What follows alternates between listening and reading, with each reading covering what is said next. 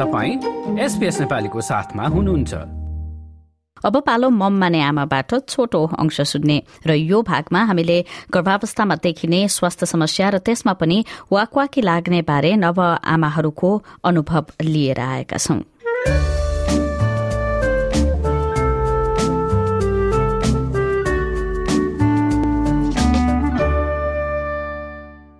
के जमुनाको के छ एक्सपिरियन्स प्रेग्नेन्सीको चाहिँ? प्रेग्नेन्सीको मेरो कतिवटा भनौँ फर्स्ट फर्स्टबाटै सुरु गरौँ। फर्स्टमा चाहिँ अलिकति अब मलाई अरू त कम्प्लिकेसन केही पनि भएको थिएन। त्यही हल्का अब भमिटिङ थियो सबैलाई हुने नर्मलै हल्का मात्रै त्यस्तो गाह्रो चाहिँ मलाई त्यो ट्रेनहरू चढ्दा मात्रै हुन्थ्यो नत्र बाहिर हिँड्दाखेरि कहिले पनि हुन्थेन। अनि म चाहिँ एकदमै हिँड्न पर्ने मान्छे अलिक धेरै नै हिँड्थेँ म जहिले पनि होइन? अनि त्यो त्यसमा चाहिँ मलाई फर्स्टमा प्रेग्नेन्सीको केही पनि गाह्रो भयो तर ज त्यति बेला गाह्रो भयो कि मलाई जब उसो बच्चा जन्मियो लेबर त्यो आफै भएन भ्याकुमले तान्नु पर्यो होइन अनि काट्न पनि पर्यो। अनि त्यसपछि मलाई घरमा आएपछि चाहिँ एकदमै गाह्रो भयो। अब हिँड्नलाई लगभग म पन्ध्र बिस दिनसम्म त म नर्मल पाए पनि बाहिर त्यस्तो राम्रोसँग हिँड्न सकिरहेको थिएन कि त्यति पेन हुन्थ्यो मलाई। पहिलोमा। अनि सेकेन्डमा चाहिँ मलाई कम्प्लिकेसन केमा आयो भने सेकेन्ड बेबी चाहिँ मेरो यो एक साइडको खुट्टा चाहिँ त्यो लाइक साइड टिका जस्तो भएर त्यो उचाल्नै नमिल्ने। अब हिँडिरहेको छ भने ठिकै छ म बसेपछि चाहिँ मैले त्यो खुट्टा हिँड्नलाई नमिल्ने। त्यत्तिकै बसिराख्नु पर्ने कि चाहिँ उठ्न पर्ने एकदमै गाह्रो हुने।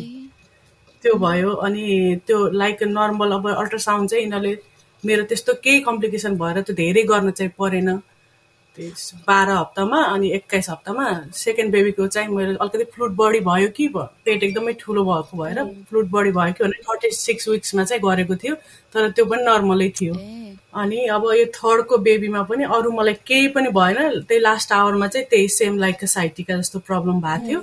अनि त्यसपछि यो पालि चाहिँ अब पहिला भनेको एउटा खुट्टामा पेन हुने भनेको एउटा खुट्टा पेन हुने त्यसलाई उचाल्न पनि नसकिने कि? त्यो एकदमै लतारेर हिँड्न पर्ने सु उठ्दाखेरि अब घरमा चाहिँ अब टोयलेट यताउति जानु पऱ्यो भने चाहिँ हस्बेन्डले एकदमै एक साइड बोकेर अनि टोयलेटसम्म लैजाने। अलिकति हिँडेपछि फेरि स्टार केही हुन्थेन? त्यो सुरुमा बसेपछि उठेर हिँड्न नमिल्ने। अनि त्यस्तो त्यो प्रब्लम हुन्थ्यो। अनि हस्बेन्डले त्यो लैजानुहुन्थ्यो। अनि लास्ट आवरमा पहिला चाहिँ अब पहिलाको प्रेग्नेन्सीमा त्यस्तो थाहा भएन कि त्यो स्विमिङले धेरै हेल्प गर्छ भन्ने। यो लास्ट टाइममा चाहिँ मैले गएर मिडवाइफलाई यस्तो यस्तो हुन्छ भनेको उसले चाहिँ मलाई कि फि फिजियोथेरापी जहाँ पाँचवटा सेसनले होइन भने एकचोटि स्विमिङ ट्राई गर्न त हाइड्रोमा भनेर भने त्यसपछि जब म स्विमिङ जान थालेँ मलाई त एकदमै रिलिफ भयो कि। त्यो त्यस त्यही ठाउँमा नै अब गएर म हाइड्रोमा बस्न थालेँ त्यसपछि त त्यो मलाई फिलिङ नै भएन आनन्द नर्मलै भयो कि। अनि त्यही अब अर्को चाहिँ एउटा त्यही हुन्छ नि अब यस्तो नर्मलाइज गर्छौँ नि त हामी अब सिकनेस मर्निङ सिकनेसलाई होइन प्रेग्नेन्सीको टाइममा मलाई मलाई एकचोटि त्यो हुन्छ नि त्यो ग्याक पनि गरिनँ कि मैले थ्रु आउट प्रेग्नेन्सी होइन अनि त्यो सिकनेस हुँदाखेरि गाह्रो हुँदैन र। कस्तो मतलब हुन्छ नि अब त्यो सिकनेस भयो भने जस्तो सबैले इजिली लिन्छ नि त होइन? अब रोजीलाई चाहिँ के लाग्छ कि मलाई चाहिँ एकचोटि भमिट भयो भने मलाई त्यहाँबाट रिकभर हुनलाई दुई दिन लाग्छ कि? अनि मलाई त्यतिखेर प्रेग्नेन्सीमा मलाई सिकनेस भएको भए भमिट भएको भएदेखि चाहिँ मलाई एकदमै गाह्रो हुन्थ्यो मलाई थाहा छ। तिमीलाई रोजीको चाहिँ के छ यसमा?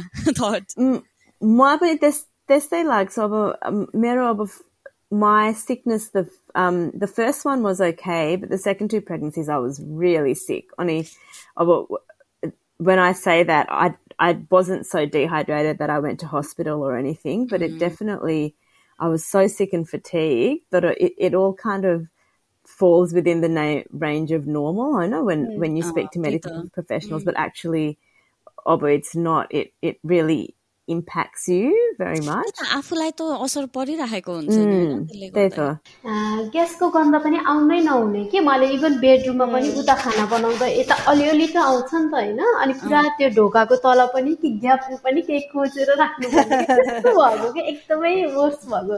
जानै नहुने किचनमा त जानै नहुने यस्तो हुन्थ्यो। अनि फेरि अब मेरो हस्बेन्ड चाहिँ फिल्डमा जानुपर्ने हुन्थ्यो कि? कहिले कहिले अब पन्ध्र दिनको लागि फिल्ड जानुभएको थियो। ओ माई गड त्यति बेला यस्तो गाह्रो भएको। आफैले पकाउन पनि अनि मैले त्यति बेला त्यही भएर बाहिरको खाना नि अप्ठ्यारो लाग्छ नि त तर म त गएन किचनमा जाँदै जाएन गएन। लकली मेरो साथी एकजना नजिकमा भएको भएर उसले मलाई सपोर्ट गरिन्। मैले पनि फ्यु साथीहरूसँग कुरा गर्दाखेरि उनीहरूको यस्तोसम्म कि त्यो थ्री मन्थ्सको मर्निङ सिकनेस सुस्मिताको जस्तै होला सायद त्यो यति धेरै भम उसको चाहिँ भमिटिङ यति धेरै हुने बेडबाटै निक्लिन नमिल्ने क्या त्यस्तो थला नै परेको अनि त्यसपछि उसले चाहिँ काम काम सी ह्याड नो अप्सन क्या काम स्टप गरेर उसले within four five weeks conceive भएको फोर फाइभ विक्सबाट नै के अरे लिभ लिएर बसेको क्या त्यस्तो एक्सट्रिममा क्या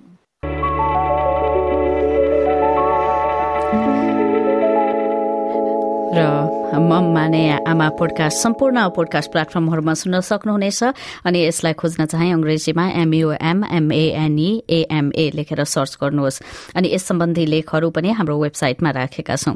यस पोडकास्ट श्रृंखलामा प्रस्तुत जानकारी तथा सल्लाहहरू सामान्य प्रकारका छन्। तपाईँको व्यक्तिगत अवस्थाबारे उपयुक्त सल्लाह तथा सुझावका लागि भने कृपया आफ्नो चिकित्सकलाई सम्पर्क गर्नुहोला। यो जस्तै अन्य प्रस्तुति सुन्न चाहनुहुन्छ? एप्पल पोडकास्ट गुगल पोडकास्ट स्पोटिफाईमा हामीलाई खोज्नुहोस् वा तपाईँले पोडकास्ट सुन्ने अन्य सेवामा।